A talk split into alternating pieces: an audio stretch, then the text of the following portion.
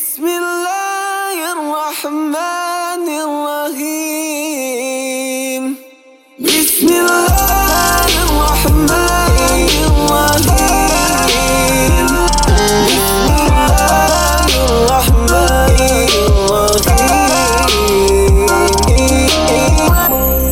Bismillahirrahmanirrahim. Assalamualaikum warahmatullahi wabarakatuh. Waalaikumsalam warahmatullahi wabarakatuh. Podcast hari ini dibawakan khas kepada anda oleh Madrasah Percuma Nur Insan. Uh, last few days baru orang buat live NGU live and then Ah. they invited the Uh, bukan founder lah I think the CEO of Madrasah Nur Insan Mhm, uh, mhm. Abang Abang Faris Mhm. And then Abang Faris macam promote about what is Nur Insan Aku Hmm. rasa amazed tau Aha. Sebab Nur Insan Dia dia madrasah percuma Correct. kan And it's not only for orang-orang yang Apa ni kurang kemampuan je tau Mhm. It's it's for everyone Mhm. Maksudnya yang yang ada duit pun boleh join Sebab Yeah. dia dia dia objective is nak provide free Islamic education for everyone Sebab Mhm. as we know Only 30% of uh, apa Islamic youth in Singapore ada Yes, proper correct. kan. Maksudnya kalau dalam satu bilik ni ada 10 orang, 3 orang je yang ada uh, Islamic uh, Betul. proper education. So Yeah. it's a it's a scary thing to do lah.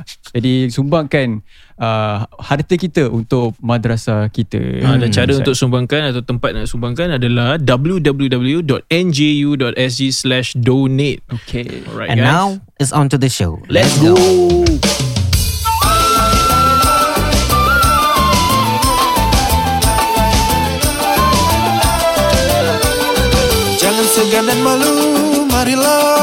pendengar NGU Ajak kawan-kawanmu menjadi pendengar berilmu Jangan segan dan malu, marilah mendengar NGU Ajak kawan-kawanmu menjadi pendengar berilmu Lai, lai, lai, lai, lai, lai, lai, lai, lai, lai, lai, lai, lai, lai, lai, lai, lai,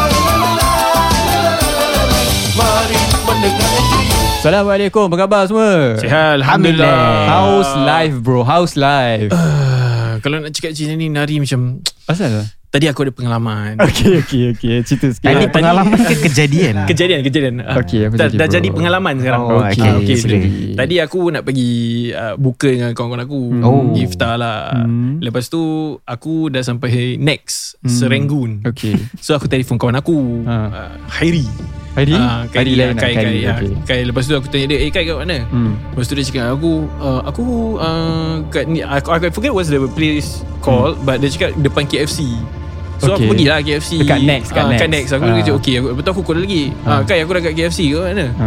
Lepas tu dia cakap uh, Tak nampak pun kau Eh? Ha. Lepas tu aku macam "And Aku kat sini lah depan ni Lepas tu Okay. dia cakap Okay kau pergi depan kaunter Aku pergi depan kaunter Tak ada pun kan Ha. Sekali dapat tahu Dekat Kinex Alamak. Kinex tu? Kinex kat Paya Lebar Kira salah dengar. Jauhnya. Ya. Habis kau dekat Serenggun. Ah, aku dah dah tengah dah, dah buka puasa, lepas tu aku telefon, "Ha? Aku kat Next."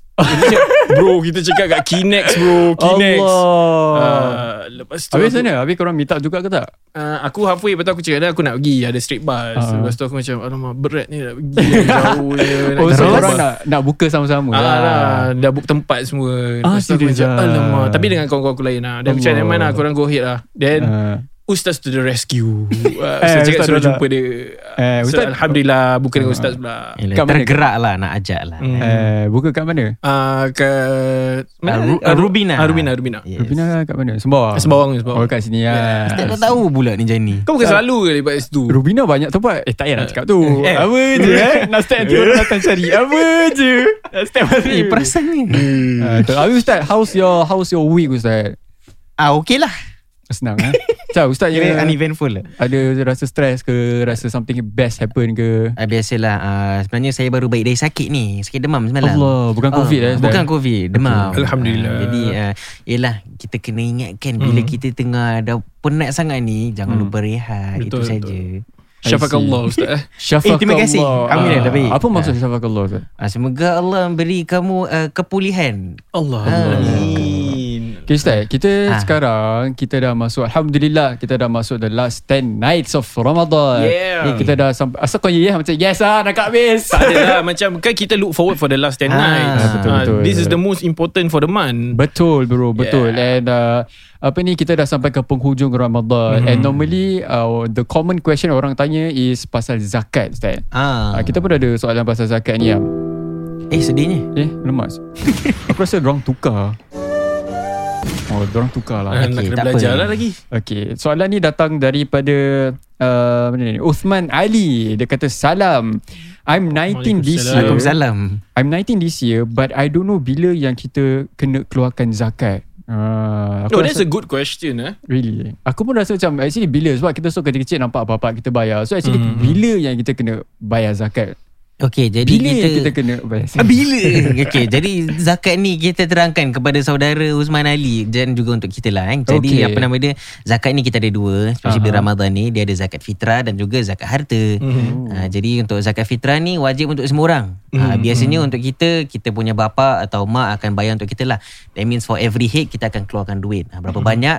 Uh, It's uh, satu Apa Uh, satu Kewajipan. kewajipan untuk kita semua hmm. yang kita keluarkan ikut the uruf of that country uh, Hmm. kebiasaan of that country the staple foods so kat Singapore ni dia ada dua kan dia ada yang normal punya and dia ada Hmm. Dia- yang lebihnya eh Hmm. apa The higher higher, Higher, eh. price. Ah, kalau tak salah dia 580 580 dengan Dan 710 710. Ya, 710 ah. Jadi satu kepala uh, times times 580 lah Kepala dalam 710. satu rumah kan apa Nah, Ustaz? so for example kalau macam Ashnul you have your mother, Hmm. your father and yourself tiga Hmm. orang example lah kan. Hmm, okay. Yang kali tiga je lah. You nak bayar yang berapa. Ah ini adalah yang untuk kita Mhm. each person kena bayar. Oh jadi maksud kita bayarkan orang sekali Mhm. I mean if you are the head of the family then you bayarkan yang lain lah senang lah. Oh Ah. Kalau saya bukan head of the family nanti you check lah dengan whether if your bapa bayarkan for you Uh-uh. then dah settle lah. Tapi if you want to bayar yourself boleh juga. Mhm. Bila kena bayar sepanjang Ramadan ni. Tapi sebaik-baiknya sebelum kita melakukan salat Aidil Fitr. Oh Ah, tapi usually bila that time tu paling pack lah kan. Jadi ya, kita Betul pun Semua last minute For convenience lah kita Ah, buat sebelum. Sebab sebaik-baiknya itulah. Tapi once kalau kita bayar lepas solat hari raya tu, eh dikirakan sebagai sedekah yang biasa. I see. Ah, jadi kita kena buat sebelum. Lagi satu zakat harta, hmm. ni kalau uh, saudara Usman Ali kita ni orang yang kaya lah kan. Oh, Kalau dia kalau dia dah sepanjang setahun tu dia punya duit dah sampai haul, dah dah dah penuh satu tahun Hmm. and also dah sampai nisabnya. Nisabnya uh, Ashnul this Uh, berapa? 2.5% No no no no. Ah, Kejap How tu apa Nisab tu apa Okay, nisab means kadar dia berapa banyak dia kena keluarkan kalau let's say. Okay. Ah, kalau if I'm not wrong eh, Ashnul berapa 6,000 7,000 eh? Yeah, seven. Aduh, how much I tell you that time? Seven thousand. 7,000 plus lah. Oh, 6,000, I forget, Okay sorry. lah, let's say we use the average 7,000 lah eh. That Hmm. means kalau sepanjang setahun ni, awak punya harta 7,000 kan, that means January 7,000. At the Hmm. end of it, December, dah lebih than that, it has never dropped below 7,000. Then kita diwajibkan untuk keluar. Mhm. Ah, berapa? Keluarkan, okay. 2.5%. Yeah. Ah, 2.5 2.5% of our of that Our 7,000 savings. lah. Ah, of our Yeah. savings Oh lah. savings maksudnya Duit yang tak terpakai lah Oh, yang kita ada lah. Oh yang tak pakai ke apa That, that, that, his, that has not been used That means dia tak Oh. pernah drop below that 7,000 Oh I Ah. see I Yeah. see Kau dah kena bayar zakat bro Ah, Alhamdulillah. Oh dah kena bayar Kaya Alhamdulillah. Alhamdulillah Kau, kau ada- pernah bayar ke tak Alhamdulillah. Betul-betul lah Betul ni Alhamdulillah Aku lah. nak tanya experience kau Bayar zakat macam mana?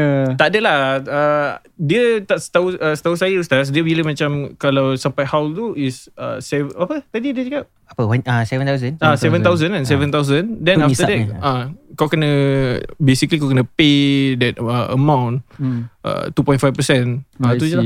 Saya Ustaz Aku tidak answer the question Tak lah aku tak pernah Aku tak pernah Oh tak pernah. Tak pernah. Aku pun tak pernah Tapi aku pernah Collect zakat Ooh, Ah, okay, okay. Amil Amil Collect zakat Masa Hmm. tu dekat Lepas tu dekat mana eh Dekat satu organisation ni lah Hmm. Yang tak bayar airtime aha.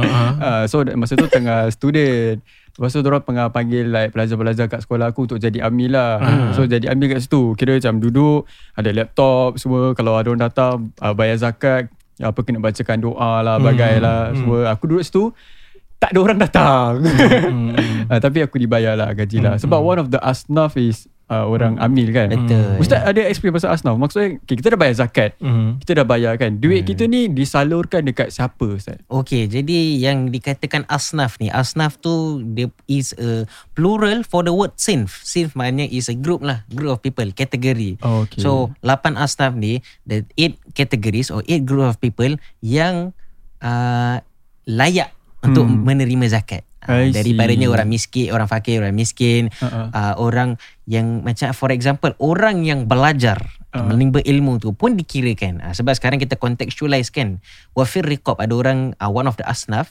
So dibelenggu uh, apa record kira macam orang uh, uh, uh, bondage slavery uh-huh. tapi in today's context maknanya bila kita menimba ilmu tu kita dapat keluarkan orang daripada dibelenggu uh, uh, ke Uh, they get to be better lah Saya Yeah, nak explain be better lives lah. Ah, Ah, kan ya, ya. Then Ustaz, that means Diorang okay. pun layak Untuk menerima zakat lah Yes. Uh, Ustaz, sekarang kita tengah buat TikTok live Ustaz. Oh. Ada orang tanya soalan. Soalan ni datang daripada Kambing Lee. Dia tanya dekat sini.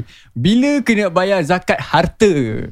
Uh, dah explain kan tadi kan. Ah, ah, jadi Maksudnya ada okay, tadi tak tahu kalau ustaz explain kita ada dua ada dua zakat eh Zakat, zakat, ya. harta Dengan zakat zakat, fitrah. zakat fitrah. Ya. Ah. So zakat harta semua orang boleh bayar Ya. as long as dah sampai as, apa asnaf dia. Eh no dah As- sampai, dah sampai haul nisabnya. dia which is 2.5%. Okay. First dah sampai nisabnya. Ah, Nisab okay. means uh, adanya the, the kadar yang berapa banyak. Example The for rates now ah. 7,000 the rate. Ah. And then once that rate it has never dropped below that it keeps In growing one kan? year in kan? one year Hmm. ah in one year then you ikut kira tu so it doesn't mean you have to keluarkan bila Ramadan je I see. Ah. And the the reason why tak salah digunakan Ramadan actually it could be any time Ah. of the year but Ramadan tu as a marking point Ah, lah. senang. So every Oh. year you know that by then by then it's already one year. yeah. I see. Yeah. And also sekarang bayar zakat dah tak payah pergi masjid, dah boleh online. Online online ya. Pergi ya. online. Ada calculator also. Eh. Yeah. Hari tu aku ada check. Kilakan lah. kita orang punya savings. Yes. Oh. So Oh. basically you can go to the MUIS website. They have this calculator. So the other Hmm. day I check. Then Yeah. after that they apa tu they will calculate based on your savings, your how much you have for the year. Oh. And then tak salah apa yang aku baca is also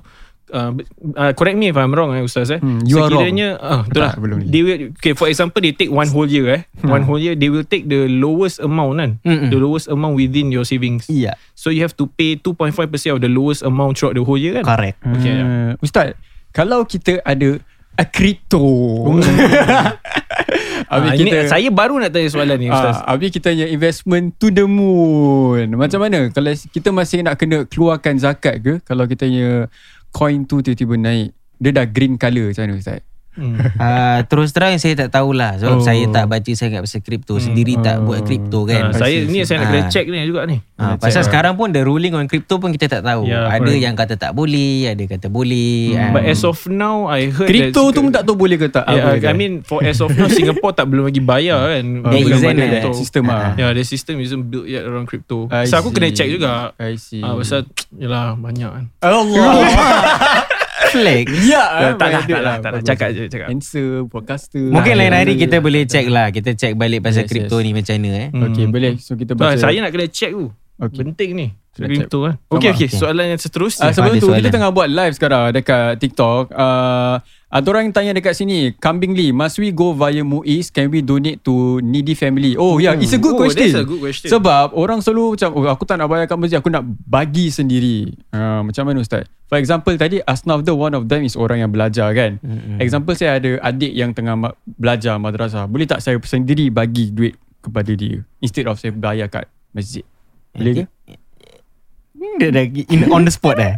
Kira uh, technically kalau macam gitu I'm not sure sangat. I see. Hmm. Okay, okay. because like for me what I have seen instead uh, ada is so I have some friends who cari orang in in in rental house rental houses or cari orang Oh. oh. dong kenal orang yang fakir miskin so diorang cari these people and they give them personally sebab memang sebaiknya pun kita kasih sendiri Hmm. kan but what we do is we have a trusted body for example sometimes uh, MUIS or we Yeah, have yeah. masjid or whatever it is saya kasih sana tapi kalau kita nak kasih sendiri pun boleh ada I pun in see. fact I have a friend um, if I'm not wrong diorang beli beras then diorang kasih sendiri rumah-rumah ni. Oh, Ah, so best gitu. masing-masing lah, masing-masing. Ah, So, So, um, if you if you know uh-huh. someone yang betul-betul falls under that category memang dia dalam kesusahan ke apa and you want to give that money boleh. Ah so, uh, sorry Ustaz. Ustaz cakap dia kasih beras basically dia gunakan duit yang daripada dia punya uh, savings account tu dia belikan beras lah. Oh. As as a physical punya ni lah. Yeah, I mean Oh. I've seen that before lah. Oh, Macam okay, okay, interesting okay. sih. Oh, that's something I learned today. Kalau saya bagi nasi goreng instead boleh.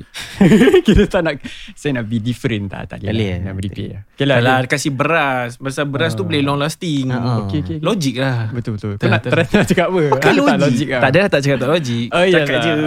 Okay lah next question. Okay, next question eh. Okay, uh, ni daripada Ah, ni mana ni lagu Arab ni? Ah, salah lagu bro. Oh, alamak salah company. Banyak Tak apalah silakan. Okay, silakan eh. uh, Daripada kita punya sahabat ni Nama Nedilicious Apa delicious? Nedilicious Delicious. What should I do If one of my closest friends Okay. Tawa hati with me But you don't even know why She treat Oh. you differently Than other friends Tapi tak boleh elak Sebab selalu jumpa dia Should I just Oh. tahan je Dengan this treatment Or should I ask her Oh, Hmm. this is a common youth punya problem. Ada masalah kawan. Yeah correct man Habis tak nak Aku rasa aku tahu kenapa dia takut nak approach Sebab kalau dia approach okay, Let's say aku ada masalah dengan uh, Anam lah example lah Hmm. Kalau aku approach dia Nanti. The chance of me ru- ruining this uh, Friendship akan makin terus Sebab tu ada orang pilih not to approach Betul tak? Maybe they're afraid Because uh, It might turn awkward The relationship might turn awkward Hmm. Yeah Kau maybe- pernah ada experience benda ni? Ah, definitely lah. I think all of us have have went through this also. Right? I see Uh, I think it's important lah. Macam personally, eh, based on the question itself, uh, I think that yes, she should go ask. She should go ask the person. Pasal kalau kau tak tanya orang as kawan kau tu what's the issue, then you don't know what's the problem. First step to solving a problem is understanding there is a problem. Wow Yeah, Wow yeah. So Baik, so okay. it's important you know to actually ask. But I also understand because sometimes eh, like for example kita punya kawan ni hmm. delicious. uh, dia nak tanya kawan kawan dia pasal mungkin kawan dia tak nak uh, maybe tak reciprocate tak cakap apa-apa. Hmm. Or maybe just silent treatment. You know, it's uh, it's also important to give them time and space. Hmm. Yeah, because some people choose to distance themselves a bit so that they can gather their thoughts, their feelings. Eh, It's valid lah sometimes. And Ka- also Kira kasih silent treatment lah Kalau Yeah. masalah And also there there are some external factors. Eh. For example, uh, mungkin kawan dia yang yang tak nak berbual dengan dia ni, Hmm. another friend maybe had you know might have just shared something unpleasant about yang kawan kita Netherlicious ni. So macam it's very hard, but it's also important like I mentioned to actually ask. Yeah. Hmm. What do you think, Ustaz? Untuk saya kan sebenarnya kadang-kadang kita bukan we don't think about manusia ni. Is that kita bu- kita tak react kepada situation. We react to the perception of the the, the situation. Oh, we perceive macam kadang-kadang there, there could be a number of reasons kenapa orang tak berbual dengan kita. Mm-hmm. Tapi we jump to the conclusion yang eh orang ni tahu hati because of something I did.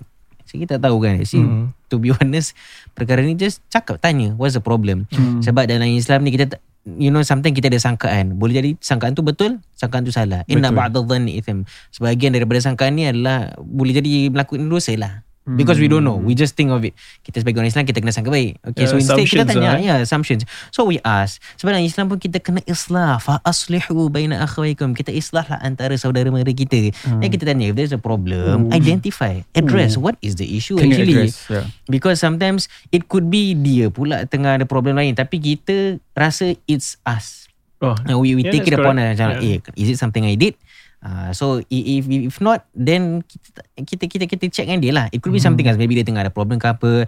And sometimes it could be also how they deal with situations how they deal with their own problems. It like I said it maybe it's not us but. Maybe they it's have them. it's them Yeah, they have an yeah. issue tapi kita je macam eh kenapa dia ada macam tak berbual dengan aku but actually Hmm. dia ada perkara maybe dia sibuk maybe dia tengah isolating diri dia maybe dia tengah just um, there's a lot of things on dia mind Mhm. so we just tanya kalau tak apa-apa then kenapa kita nak kena ambil hati sangat Hmm. and if really something is not substantiated is not grounded maybe they just tiba-tiba just tak happy dengan kita Yeah. and there is nothing kita tak buat apa salah then kita tak perlu rasa bersalah lah Hmm. And also so important Sorry Ustaz eh. It's also important like Misal dia cakap kat sini punya close friend Hmm. Kalau dia betul punya close friend I think They Berbual should be lah, able cakap Should be able lah. to talk things out lah Yes. But I also understand Macam Ustaz cakap Humans We all have Different ways of actually Handling things Hmm. Macam dia ada Certain uh, I guess Like I say lah Dia nak isolate diri dia You know it takes time and space So it's Hmm. only It's only normal I guess Aku rasa it's valid Sebab kalau kita tengah gaduh Kita tengah emotional Hmm. So kalau bila kita tengah emotional Time tu juga kita nak berbual We won't uh, do the right decision Hmm. And then kita akan end up